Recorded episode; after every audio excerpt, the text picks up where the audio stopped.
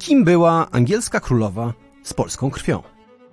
Dlaczego korzenie koronacji brytyjskich władców sięgają głębokiego średniowiecza? Skąd wzięła się panująca obecnie w Londynie dynastia Windsorów? I co tak naprawdę mają ze sobą wspólnego monarchia brytyjska i Polska? Porozmawiajmy o ich pogmatwanych związkach i o rytuale koronacyjnym budzącym podziw całego świata. To jest podcast Muzeum Historii Polski. Nazywam się Michał Przeperski i zapraszam. Moim gościem jest dzisiaj dr Anna Kalinowska z Instytutu Historii Pan i z Muzeum Historii Polski, historyk nowożytności. Kłaniam się nisko. Dzień dobry, panie doktorze. Chciałbym, żebyśmy dzisiaj porozmawiali o, o czymś nietypowym, jak na podcast Muzeum Historii Polski, mianowicie o tronie brytyjskim. W maju 2023 roku będziemy mieli do czynienia z nietypową przynajmniej bardzo rzadko zdarzającą się obecnie e, uroczystością, mianowicie z koronacją nowego brytyjskiego władcy. Koronacja współcześnie to jest rzeczywiście taka rzadka impreza? Tak, zdecydowanie, ponieważ e, kiedyś był to absolutny standard. E, był to rytuał o wymiarze religijnym, wymiarze sakralnym i w zasadzie bardzo często uważano, że bez tego rytuału król nie jest prawdziwym królem. Natomiast to z czasem się zmieniało i w tej chwili w zasadzie wśród monarchii europejskich, a kilka monarchii w Europie jeszcze jednak funkcjonuje, tylko monarchia brytyjska zachowała rytuał, rytuał e, koronacyjny. E, jeżeli oglądaliście Państwo uroczystość przekazania władzy w Hiszpanii kilka lat temu, to tam w zasadzie ta uroczystość ograniczyła się z jednej strony do abdykacji e, króla Jana Karola, a później do złożenia przysięgi przez jego następcę Filipa. Nie było wymiaru religijnego. Podobnie jest w Niderlandach, podobnie jest w Belgii, podobnie jest w Danii. W Danii w zasadzie ostatnią władczynię Margaret, Małgorzatę II w zasadzie ogłoszono z balkonu e, królową i na tym skończyły się, na tym skończyły się wszelkie ceremonie związane z przejęciem przez nią e, tronu. E, zdaje się, że w Szwecji jest dopuszczona możliwość koronacji w takim wymiarze religijnym, no ale też ostatni władcy nie korzystają korzystali z e, tej możliwości. No dobrze, to rozumiem, że to, co nastąpi w maju 23 roku e, w Wielkiej Brytanii, to jest coś wyjątkowego także dlatego, że ta impreza, czy też ta uroczystość, należałoby raczej rytuał. powiedzieć, ten rytuał ma e, również swój komponent religijny. Tak, jak najbardziej. Koronacja brytyjska w zasadzie zachowała układ jeszcze z czasów średniowiecza i te wszystkie elementy są tam obecne.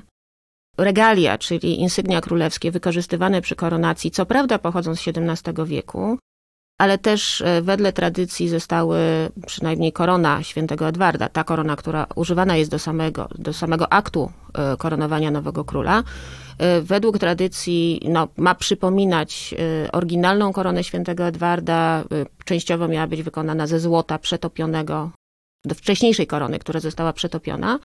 Dlaczego insygnia pochodzą z XVII wieku? Ponieważ w czasie wojen domowych e, zwolennicy parlamentu przejęli, e, przejęli insygnia koronacyjne, no i one po prostu przepadły, trochę tak jak e, polskie insygnia po rozbiorach. I w zasadzie z tego oryginalnego zestawu zachowała się tylko jedna rzecz, jest to specjalna łyżeczka, łyżka na święty olej pochodzi bodajże z XII wieku i y, trafiła z powrotem do, w ręce y, króla w ten sposób, że została wykupiona w momencie, kiedy władze, y, władze kiedy Cromwell organizował wyprzedaż różnych dóbr królewskich. To małe złoty, mały złoty przedmiot został kupiony przez kogoś, kto potajemnie był, nadal sprzyjał Stuartom i później w 1660 roku, kiedy nastąpiła restauracja Stuartów, kiedy tron objął Karol II, e, ta osoba zwróciła taką łyżeczkę i ona teraz e, stanowi jeden z elementów e, regaliów, które można oglądać normalnie w Tower. Teraz zakładam, że pewnie tych regaliów oglądać nie można, więc gdyby ktoś z Państwa teraz pojechał do Londynu, to musiałby się obejść smakiem, bo po prostu są przygotowywane do uroczystości, która ma się odbyć 6 maja. Ale znowu też pewnie za parę miesięcy będą, będą dostępne, tego możemy się tego możemy się spodziewać, ponieważ zajmuje się Pani nie tylko y, historią, jak powiedzieliśmy, historią y, nowożytności, czy ściślej pewnej wczesnej nowożytności, e, no ale też zna się Pani na, na, na, Wielkiej Brytanii. To jeszcze, jeszcze jedno pytanie z takich ogólnych. To właściwie dlaczego jest tak, że w Wielkiej Brytanii no, w dalszym ciągu ta tradycja jest kultywowana, a gdzie indziej nie? Kwestie, kwestie polityczne z jednej strony, tak jak wspominałam, w niektórych krajach po prostu koronacji nie było, bo kraj powstał w takim momencie, kiedy ona już no, nie była uznawana za absolutnie absolutnie niezbędną i to jest przypadek, to jest przypadek Belgii. W innych krajach zmiany ustrojowe powodowały, że, że pozycja króla stawała się coraz bardziej formalna. Natomiast w Wielkiej Brytanii mamy pewną ciągłość. Ta koronacja odbywa się, będzie się odbywała nieomal równo 70 lat po poprzedniej koronacji, czyli po koronacji e, Elżbiety II, a e, która odbyła się w czerwcu 1953 roku. Poprzednie koronacje odbywały się w 1937, 1911 i 1902. 1902 to była koronacja e, Edwarda, Edwarda VII. Król był najstarszym synem królowej Wiktorii. Często jest porównywany zresztą do Karola III, bo też bardzo, bardzo, bardzo długo czekał na objęcie tronu e, po matce. I tutaj też no, minęło prawie, no, minęło ponad 60 lat, bo królowa Wiktoria była koronowana w 1838 roku. I w zasadzie ten rytuał też e, w pewnym momencie, jeszcze w XVII wieku, kiedy kształtowały się pewne podstawy ustrojowe, podstawy relacji e, między monarchią e, brytyjską a jej poddanymi, on y, był uwzględniony w te zmiany, to znaczy w tych zmianach, to znaczy w, po Glorious Revolution, po chwalebnej rewolucji z lat 80. XVII wieku, no nikt nie wpadł na pomysł, że następni władcy nie będą koronowani i w związku z tym ta tradycja była kontynuowana i zapewne będzie kontynuowana nadal. Dobrze, to y, tylko jeszcze jedna rzecz zupełnie y, formalna, bo Karol III w tym momencie jest już królem Jak Zjednoczonego Królestwa. Tak. Ponieważ to jest monarchia, ponieważ monarchia brytyjska jest monarchią dziedziczną, to y, następca tronu, y, w tym przypadku książę Walii, zostaje królem automatycznie po śmierci poprzedniego suwerena. W okresie bezpośrednio po śmierci władcy odbywają się różne y, ceremonie, które niejako potwierdzają tę akcesję. I tak też rzeczywiście było w, we wrześniu ubiegłego roku po śmierci Elżbiety II. E, I są to albo ceremonie takie czysto formalne o wymiarze politycznym, czyli na przykład e, podpisanie odpowiednich dokumentów e, przez nowego króla, i to się odbyło w ubiegłym roku w Pałacu Świętego Jakuba, ale są też takie nieco bardziej spektakularne, na przykład e, władca jest e, ogłaszany władcą publicznie e, w, przy dźwięku fanfar przez odpowiednich urzędników noszących spektakularne czerwone stroje i, i, i takie, takie oficjalne ogłoszenie króla władcą odbywa się w kilku miejscach na terenie Zjednoczonego Królestwa. No dobrze. Powiedzieliśmy sobie o historii, która jest historią stricte brytyjską. No to przejdźmy teraz do koronacji brytyjskich, a sprawy polskiej. Czy jest tak, czy możemy tak powiedzieć, że Polska, a tron w Londynie y, to jest temat rzeka?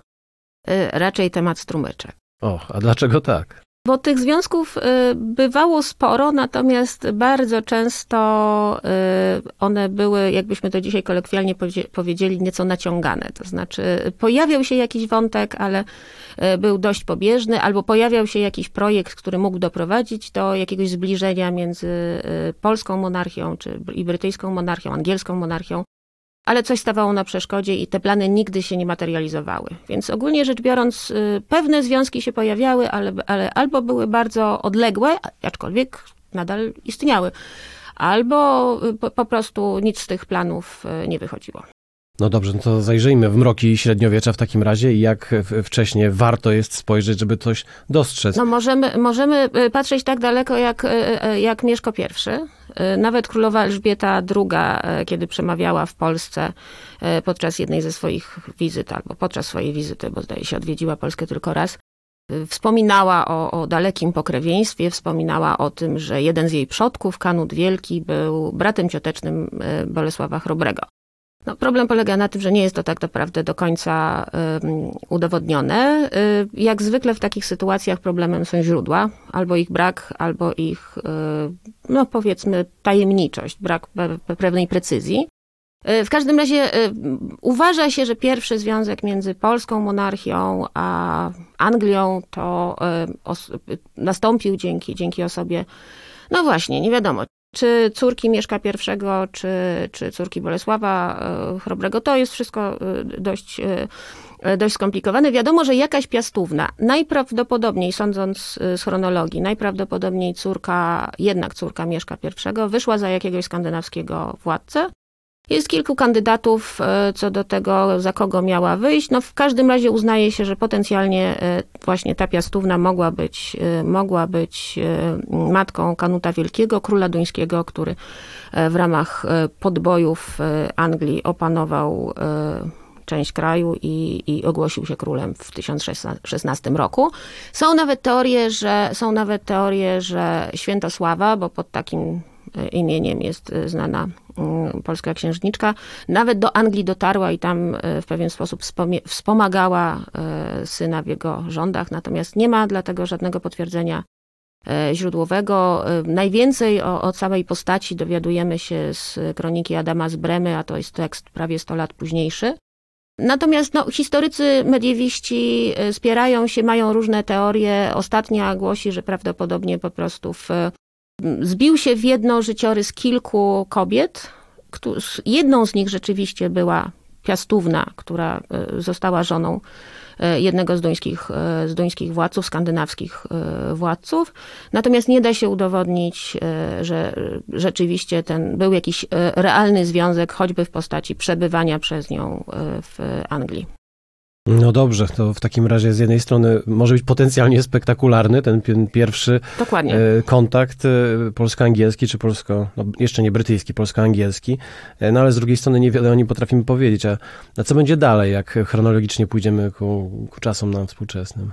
Dalej robi, się, dalej robi się ciekawie, dlatego że e, pierwsza udokumentowana rzeczywiście postać, która zasiadała na angielskim e, tronie, o której można powiedzieć, że e, z całą pewnością, że miała w żyłach krew piastowską, to Anna Czeska, żona Ryszarda II. Ślub odbył się w 1382 roku. A ciekawe jest to, że była to, e, że była to prawnuczka w prostej linii po kądzieli, prawnuczka Kazimierza Wielkiego. Nam się wydaje, że Kazimierz Wielki zmarł bezpotomnie. E, historycy pamiętają, że miał kilka córek. Te córki powydawano za mąż e, za różnych książąt. Jedna z tych córek wyszła za księcia Pomorza. Jej córka Elżbieta wyszła za cesarza, za Karola IV Luksemburskiego. Wszyscy pamiętamy o uczcie u Wierzynka. E, no, ta uczta odbyła się właśnie z okazji zjazdu e, monarchów europejskich, którzy przyjechali do Krakowa na ślub e, Elżbiety Pomorskiej z cesarzem. I córką z tego małżeństwa była Anna, w, tak jak wspominałam, w 1382 roku poślubiła Ryszarda II. Była królową przez 12 lat, zmarła dość młodo, bezpotomnie. Na początku nie była szczególnie popularna, ponieważ Anglicy w zasadzie, mimo tego, że była córką cesarza, doszli do wniosku, że no, to małżeństwo nie przyniosło zbyt wielu korzyści politycznych e, jego władcy. Natomiast to, co jest e, bardzo interesujące w kontekście koronacji, to to, że prawdopodobnie właśnie z okazji ślubu i koronacji Anny, przygotowano pewien rękopis. Jest to Liber Regalis, pięknie ilustrowany, pięknie ilustrowany manuskrypt przechowywany w, przechowywany w opactwie westminsterskim i w zasadzie jest to instrukcja, jak koronować króla i królową Anglii. I wiele elementów koronacji również tych, które zobaczymy w, za kilka tygodni w maju tego roku, bazują właśnie, kilka, wiele elementów bazuje właśnie na tym e, opisie, który znajduje się w, w tej książce. Czyli tutaj już mamy e, taki przykład e, spotkania polsko-angielskiego, chociaż ta polskość w tym wypadku jest mocno umowna trzeba powiedzieć, ale Nieco już... rozcieńczona. Mhm, w każdym razie tutaj mamy e, przykład z, z bardziej e, takiego powiedzielibyśmy e, dojrzałego e, średniowiecza, ale właściwie jakby spojrzeć na e, relacje pomiędzy dynastiami panującymi na ziemiach polskich, a, a w Anglii, no to, w, no to, to nie, nie, nie, mamy tutaj do czynienia z żadną wielką bliskością tak naprawdę. Y, pierwszy, to znaczy w XVI wieku pojawia się, y, pojawia się jeden pomysł na bezpośredni związek y, dynastyczny.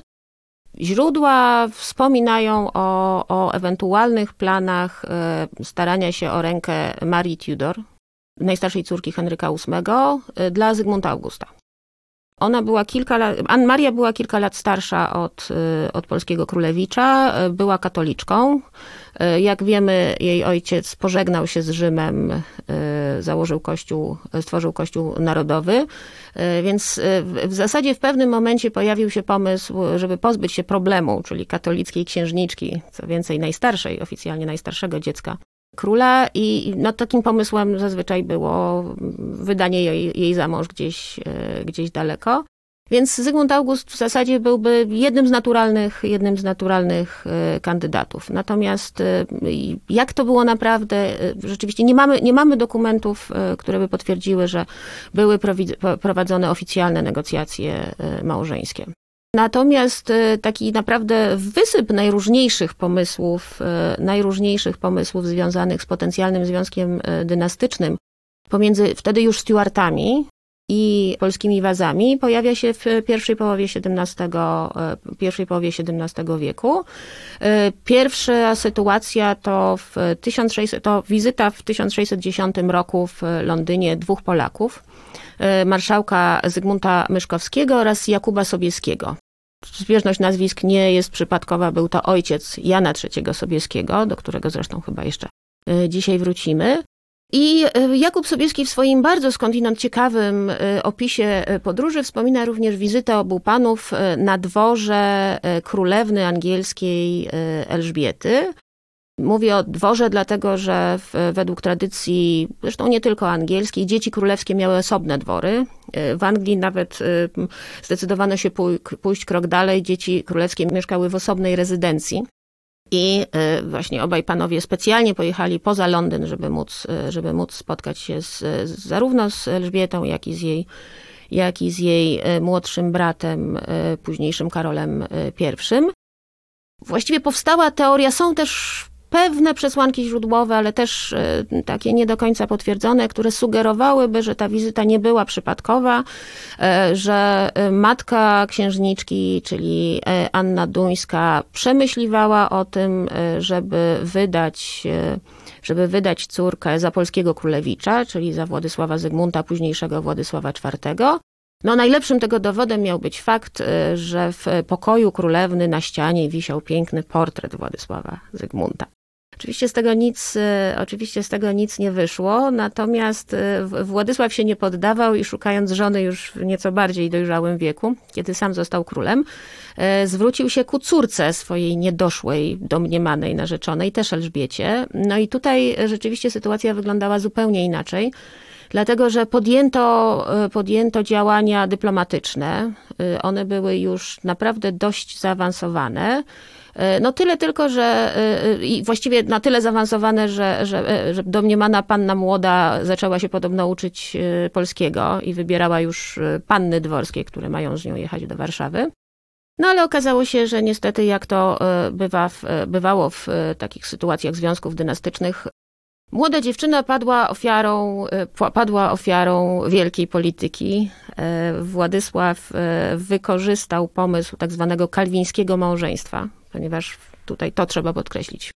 Przyszła narzeczona e, była protestantką dla swoich celów, dla różnych celów, zarówno w wymiarze, w wymiarze wewnętrznym Rzeczpospolitej, jak i w wymiarze międzynarodowym. No i w pewnym momencie e, okazało się, że, okazało się, że król wycofuje się z e, projektu małżeństwa. Doszło do całkiem sporego skandalu, bo jeden z polskich dyplomatów e, zażądał, by panna zmieniła wyznanie. Było wiadomo, że tego nie zrobi. Władysław ożenił się z arcyksiężniczką Cecylią Renatą. Elżbieta nigdy za mąż nie wyszła. I w zasadzie y, no, to, jest, to, są, to są związki dynastyczne, ale też y, nie tak dawno temu okazało się, że o y, związku z przedstawicielką dynastii Stuartów przemyśliwać miał Bogusław Radziwiłł. My go pamiętamy bardziej z potopu jako zdrajcę, a jeżeli wiemy o nim więcej, jeżeli, jeżeli, jeżeli spróbujemy nieco lepiej poznać jego biografię, to zanim został sojusznikiem Szwedów w czasie wojny polsko-szwedzkiej. No, był takim dość znanym, szanowanym i, i, i bardzo rozpoznawalnym w Europie przedstawicielem arystokracji europejskiej, tak byśmy to, tak byśmy to ujęli. I w pewnym momencie okazało się, że Istnieją pewne źródła, które sugerowałyby, że w pewnym momencie postanowił starać się o rękę Marii Stuart, najstarszej, najstarszej córki Karola I, która wyszła za księcia orańskiego, szybko owdowiała i właśnie wkrótce po tym, jak owdowiała, Bogusław Radziwiłł miał e, podjąć starania o to, by się z nią ożenić. Nic z tego nie wyszło. Ale właściwie to jak to jest do pomyślenia, że arystokrata, no nawet znakomity tutaj w tym wypadku książę Rzeszy, e, no ale czy on sobie może e, pozwolić na to, żeby starać się... To, to było jego drugie podejście, bo kilka lat wcześniej, kilka lat wcześniej myślał z kolei o ślubie z siostrą niedoszłej narzeczonej Władysława IV, księżniczką Luisą Holendiną.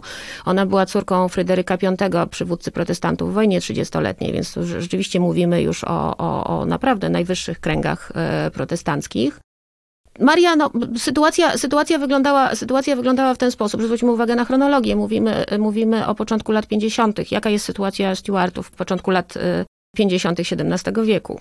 Karol I nie żyje, Karol II, Karol II na wygnaniu. Y, Maria jest co prawda wdową po księciu orańskim, ma syna późniejszego króla Anglii, Wilhelma. Natomiast, y, natomiast no najogólniej rzecz biorąc ta pozycja nie jest, y, ta pozycja nie jest najmocniejsza, a Radziwiłł ze swoimi wpływami i przede wszystkim ze swoim majątkiem no, stanowił, mógł stanowić potencjalną formę zabezpieczenia na przyszłość. No znaczy postawmy kropkę na T, jeżeli chodzi o ten początek lat 50. XVII wieku, to jest po prostu moment, kiedy ten, ten bardzo krótki moment w dziejach e, Anglii, kiedy w Londynie nie panuje władca, tylko jest e, republika. Dokładnie, więc to jest, e, to jest taki nie najmniej istotny wątek, który trzeba moim zdaniem jasno uwypuklić. Mówimy tutaj o, o historii nowożytnej, jakby do tej pory, gdyby e, spojrzeć na to, co się działo w wieku XVI i przez e, część wieku XVII, e, no to mamy tutaj do czynienia z, w gruncie rzeczy no nie w pełni satysfakcjonującymi, nieudanymi związkami, ale przychodzi taki moment, kiedy dochodzi do związku bardziej udanego. To zależy, jak definiujemy udany związek. No powiedzmy więcej w każdym razie o tym, co przychodzi za chwilę. Bo rozumiem, że ma pan e, doktor na myśli e, Marię Klementynę Sobieską, czyli teoretycznie, formalnie, i tutaj będę się, e, będę się tego trzymała, tego zastrzeżenia, królową Anglii, jedyną polską królową Anglii. Swoją drogą to jest ciekawe, bo w zasadzie największy, suk największy sukces dynastyczny, polski sukces dynastyczny, gdyby na to patrzeć, czyli moment, w którym, w którym na, na, dwóch najważniejszych, albo na dwóch z najważniejszych tronów europejskich, czyli na tronie angielskim i na tronie francuskim, równocześnie zasiadają polskie księżniczki. To jest właśnie pierwsza połowa XVIII wieku. Tylko problem polega na tym, że e, polska księżniczka, która została królową Francji, czyli Maria, Leszczyńska, częściowo została ją, nią dlatego, że jej ojciec nie był już polskim królem. Natomiast druga polska księżniczka nie do końca była polską księżniczką a e, jej, jej, jej ojciec też e, no, miał pewne pretensje, ale nigdy, nigdy nie uzyskał polskiej korony. Natomiast jej mąż też był tylko formalnie e, uznawany za króla przez swoich zwolenników. Maria Klementyna Sobieska była, była bowiem żoną Jakuba Edwarda Stewarta, dla niektórych Jakuba III ponieważ był on synem Jakuba II, który stracił tron w tysiąc który, stra, który stracił tron w, no właśnie z, niektórzy historycy twierdzą złośliwie, że właśnie dlatego, że urodził mu się, dla, właśnie dlatego, że urodził mu się syn. Tutaj wracamy do kwestii, tutaj wracamy do kwestii religijnych. Po restauracji Stewartów oczywiste było, że, że Anglicy oczekują protestanckiej sukcesji. Karol I nie doczekał się dziedzica, nie doczekał się dziecka z prawego łoża. W związku z tym jego, następcą automatycznie został młodszy brat y, Jakub, a ten był katolikiem. Ożenił się najpierw y, z córką y, doradcy swojego brata i z tego małżeństwa miał dwie córki, wychowane jako protestantki, Marię i Annę. I one później po kolei będą zasiadać na tronie angielskim. No a z drugiego małżeństwa właśnie doczekał się, doczekał się Jakuba Edwarda i, i ta wizja, ta wizja katolickiej sukcesji. I młody książę Walii został y, ochrzczony jako katolik. Więc to dla Anglików był jeden z, to był jeden krok za daleko poczyniony przez króla i to był jeden z, z powodów, dla którego e, no, ruszyła cała machina, która skończyła się tym, że Jakuba II zastąpiono na tronie jego córką i jej mężem, a równocześnie jego siostrzeńcem, synem niedoszłej pani Radziwiłowej. E, I w efekcie e, Stewartowie podzielili się na dwie, podzielili się na dwie linie. Jedna właśnie poprzez, właśnie w, w osobie najpierw Marii, później Anny, czyli starszych córek e, Jakuba, zasiadała na tronie w Londynie, a druga na wygnaniu najpierw we Francji, fun funkcjonowała najpierw na wygnaniu we Francji, a później w Rzymie. No i w momencie, kiedy, w momencie, kiedy książę Wali, dla niektórych Jakub III e, zaczął szukać, zaczął szukać żony. Jedną z opcji okazała się wnuczka Jana III Sobieskiego, córka jego najstarszego syna e, Jakuba.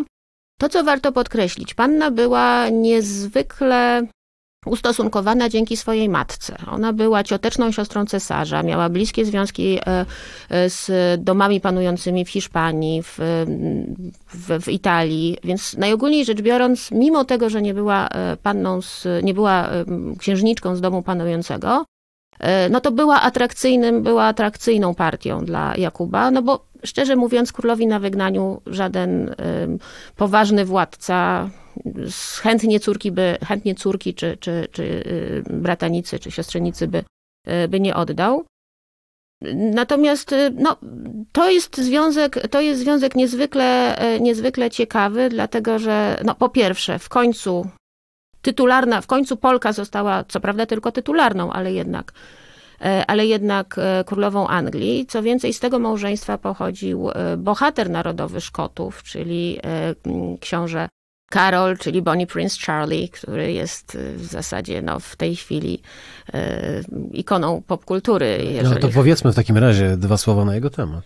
Y, no, to jest ostatni pretendent, pretendent Stuartów do, do korony angielskiej, który, który stał za, a przynajmniej no, Uczestniczył w, uczestniczył w ostatnim wielkim zrywie niepodległościowym e, Szkotów, e, czyli powstaniu 1745 roku, które skończyło się po klęsce pod Kalodyn. To jest, później wrócił do, wrócił do Rzymu, e, wrócił do Rzymu, tam spędził kilkadziesiąt lat niezbyt, niezbyt szczęśliwie i na nim w zasadzie, znaczy został jeszcze jego brat, młodszy brat, Henryk, który jednak wybrał karierę duchowną, został kardynałem. Zresztą jego tytuł to Henry Duke of York, Cardinal of York, czyli no, w zasadzie połączył, z jednej strony połączył swój tytuł e, w hierarchii kościoła katolickiego ze swoim e, dziedzicznym tytułem, dziedzicznym tytułem e, królewskim angielskim, dlatego że młodsi synowie, drugi syn suwerena najczęściej nosi tytuł księcia, księcia Yorku. Bonnie Prince Charlie miał nieślubne, miał nieślubne dzieci, natomiast w zasadzie te e, pretensje e, jakobickiej e, linii Stewartów, czyli właśnie potomków Jakuba II, umarły raz, wraz z, umarły wraz z Henrykiem, z kardynałem Henrykiem w 1807 roku. Co jest ciekawe, y, Henryk pod koniec życia w zasadzie no, pogodził się z faktem, on właściwie nigdy specjalnie nie, nie y, epatował tymi swoimi pretensjami do, do korony brytyjskiej i były prowadzone pewne rozmowy między nim a Hanowerczykami, a w każdym razie skończyło się tym, że część jego majątku, część jego zbiorów e, trafiła ostatecznie do Anglii. To była część klejnotów Stuartów, które e, Jakub II zabrał ze sobą uciekając e, z Londynu.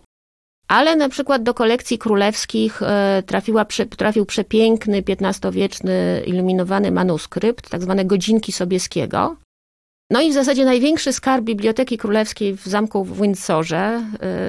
Y, jego nazwa wiąże się z, z, wiąże się z Sobieskim, ponieważ no, był to manuskrypt, który był wcześniej w posiadaniu Jana III. Poprzez jego syna córkę, jego córkę przeszedł do, y, przeszedł do Stuartów i w ten sposób trafił do Anglii. Karol III, od którego koronacji rozpoczęliśmy naszą rozmowę, jest władcą z dynastii Windsorów. No to pozostaje nam jeszcze ten temat poruszyć. Windsorowie, a sprawa polska. Y, ja bym tutaj troszeczkę się cofnęła, ponieważ y, tak naprawdę y, Windsorowie, sama nazwa dynastii funkcjonuje od, tysiąc, od 1917 roku. No jest to, dość, jest to dość ciekawe, dlatego że w zasadzie ta zmiana wynikała z antyniemieckich nastrojów podczas I wojny światowej a dynastia zasiadająca na tronie w Londynie to dynastia sasko-koburska e, z wyraźnymi niemieckimi e, korzeniami. W związku z tym e, Jerzy V stwierdził, że no, Dobrym rozwiązaniem będzie, dobrym ruchem propagandowym będzie jednak odejście od używania niemieckiego nazwiska i przyjęcia nazwiska, nazwania dynastii w jakiś sposób bardziej kojarzący się bardziej kojarzący się z Anglią, y, padło na nazwę największego, y, najstarszego zamku stanowiącego, będącego rezydencją, y, rezydencją królewską. Nie tylko Windsorowie zmienili nazwisko. Drugą rodziną, która zrobiła dokładnie ten sam krok, była rodzina Battenbergów, spokrewniona z brytyjską rodziną królewską. Battenbergowie stali się Mountbattenami.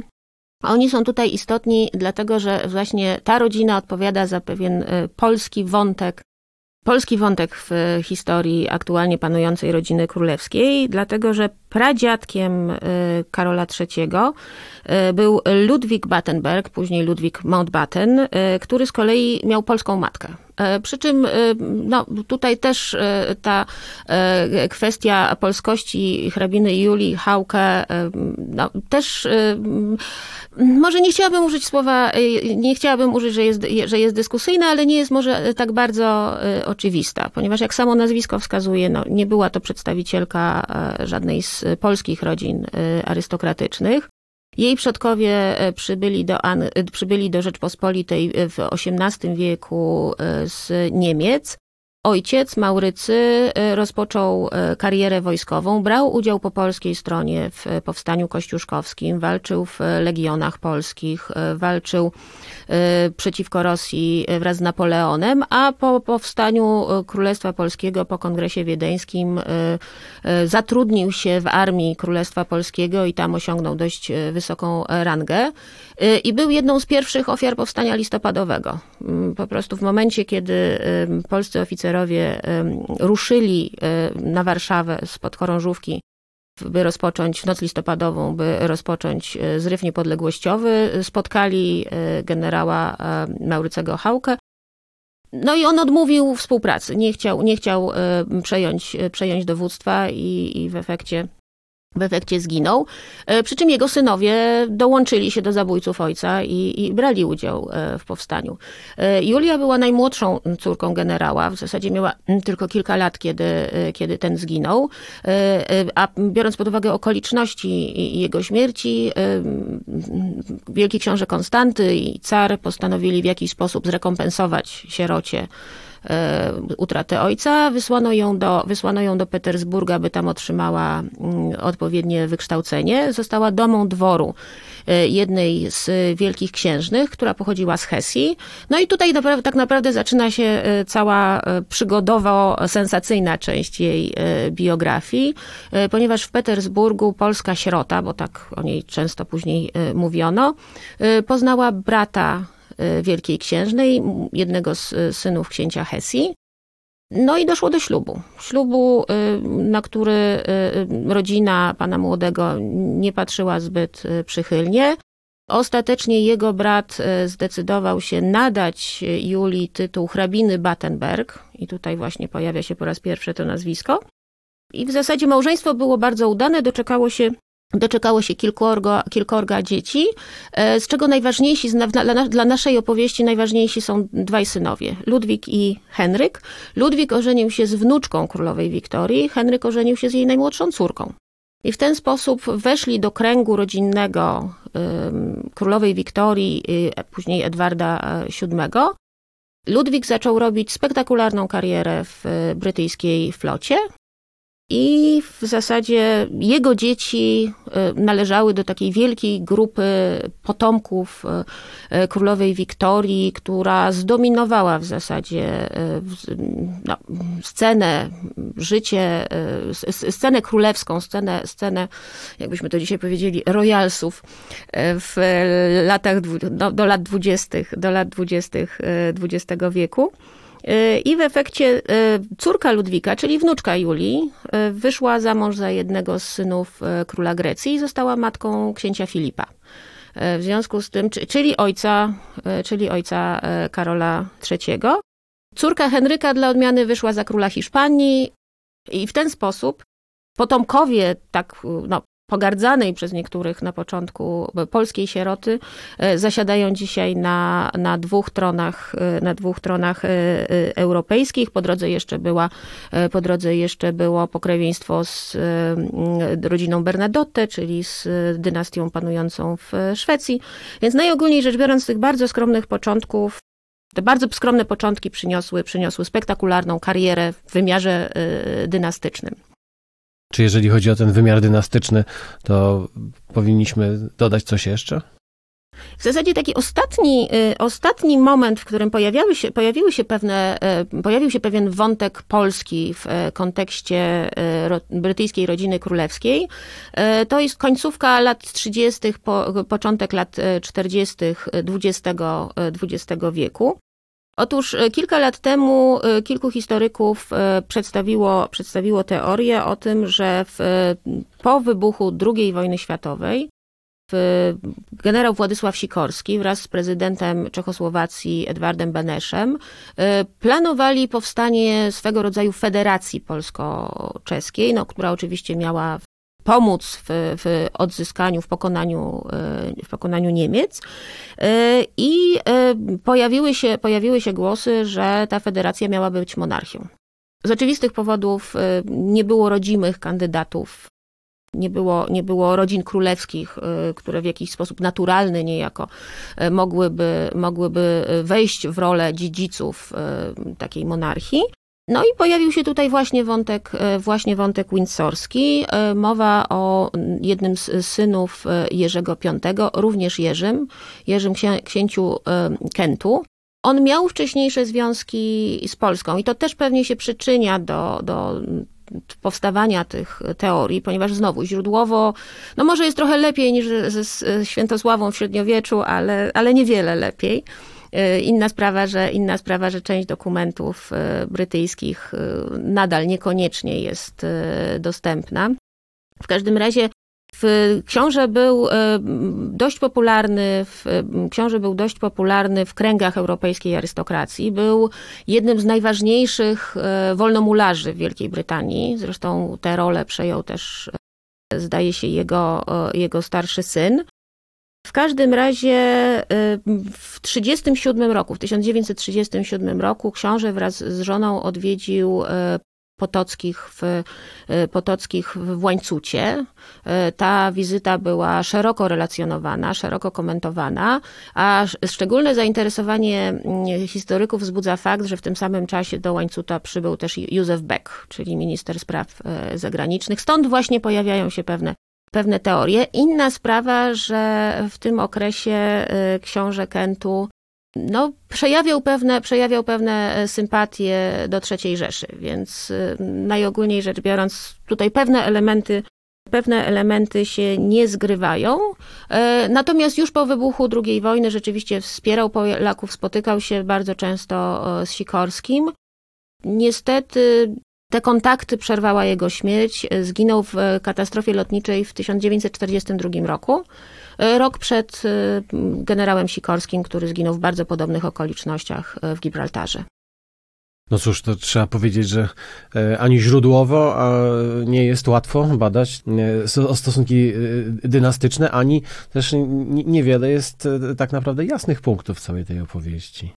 Tak, to znaczy, mm, jeżeli chodzi, jeżeli chodzi o źródła, to są takie, e, e, takie elementy, gdzie tych źródeł po prostu nie ma, albo, albo ze względu na to, że mamy do czynienia z okresem, kiedy w ogóle nie produkowano ich e, zbyt dużo. Mediewiści wiedzą najlepiej, że czasami muszą budować całe teorie w oparciu dosłownie o jedno zdanie, a czasami nawet jedno słowo. E, są też, takie, są też takie obszary, gdzie tych źródeł mamy mnóstwo. Na przykład historia Marii Klementyny Sobieskiej dopiero niedawno doczekała się pełnego opracowania. Dosłownie w ubiegłym roku wyszła świetna biografia e, księżniczki królowej, to zależy jak kto uznaje e, linię sukcesji angielskiej. Ta biografia została przygotowana przez profesor Aleksandrę Skrzypiec z Uniwersytetu Śląskiego jest oparta prawie wyłącznie o dokumenty ręko, ręko, rękopiśmienne, o dokumenty rękopiśmienne, w tym przede wszystkim o bardzo obfitą korespondencję e, Marii Klementyny Sobieskiej. Więc tutaj z kolei można wybierać mnóstwo dokumentów e, związanych z relacjami dynastycznymi pomiędzy Sobieskimi i Stuartami. Jest e, w tak zwanych Stuart Papers w, archiwum królewskim w Windsorze. Więc no, tutaj właściwie mamy do czynienia z klęską urodzaju ale przy innych, e, przy innych historiach trzeba budować, e, budować je w zasadzie z różnych e, małych elementów, a czasami i tak jest to niemożliwe. Ale nam się to dzisiaj udało. My z tych małych elementów złożyliśmy opowieść o relacjach polsko-angielskich i o tym właściwie, jak może, to... Może, przepraszam bardzo, że przerywam, może bardziej o wątkach królewskich w relacjach polsko-angielskich, bo to jest bardziej precyzyjne określenie tego, o czym dzisiaj mówiliśmy. A zatem tron Zjednoczonego Królestwa, a sprawa polska. Bardzo dziękuję. O tym miałem przyjemność rozmawiać z dr Anną Kalinowską z Instytutu Historii PAN oraz z Muzeum Historii Polski. Kłaniam się. Bardzo dziękuję. Podcastów Muzeum Historii Polski wysłuchasz na YouTube, Spotify, Google Podcast, w Audiotece, a także na innych platformach podcastowych. Chcesz być na bieżąco? Subskrybuj kanał Muzeum Historii Polski.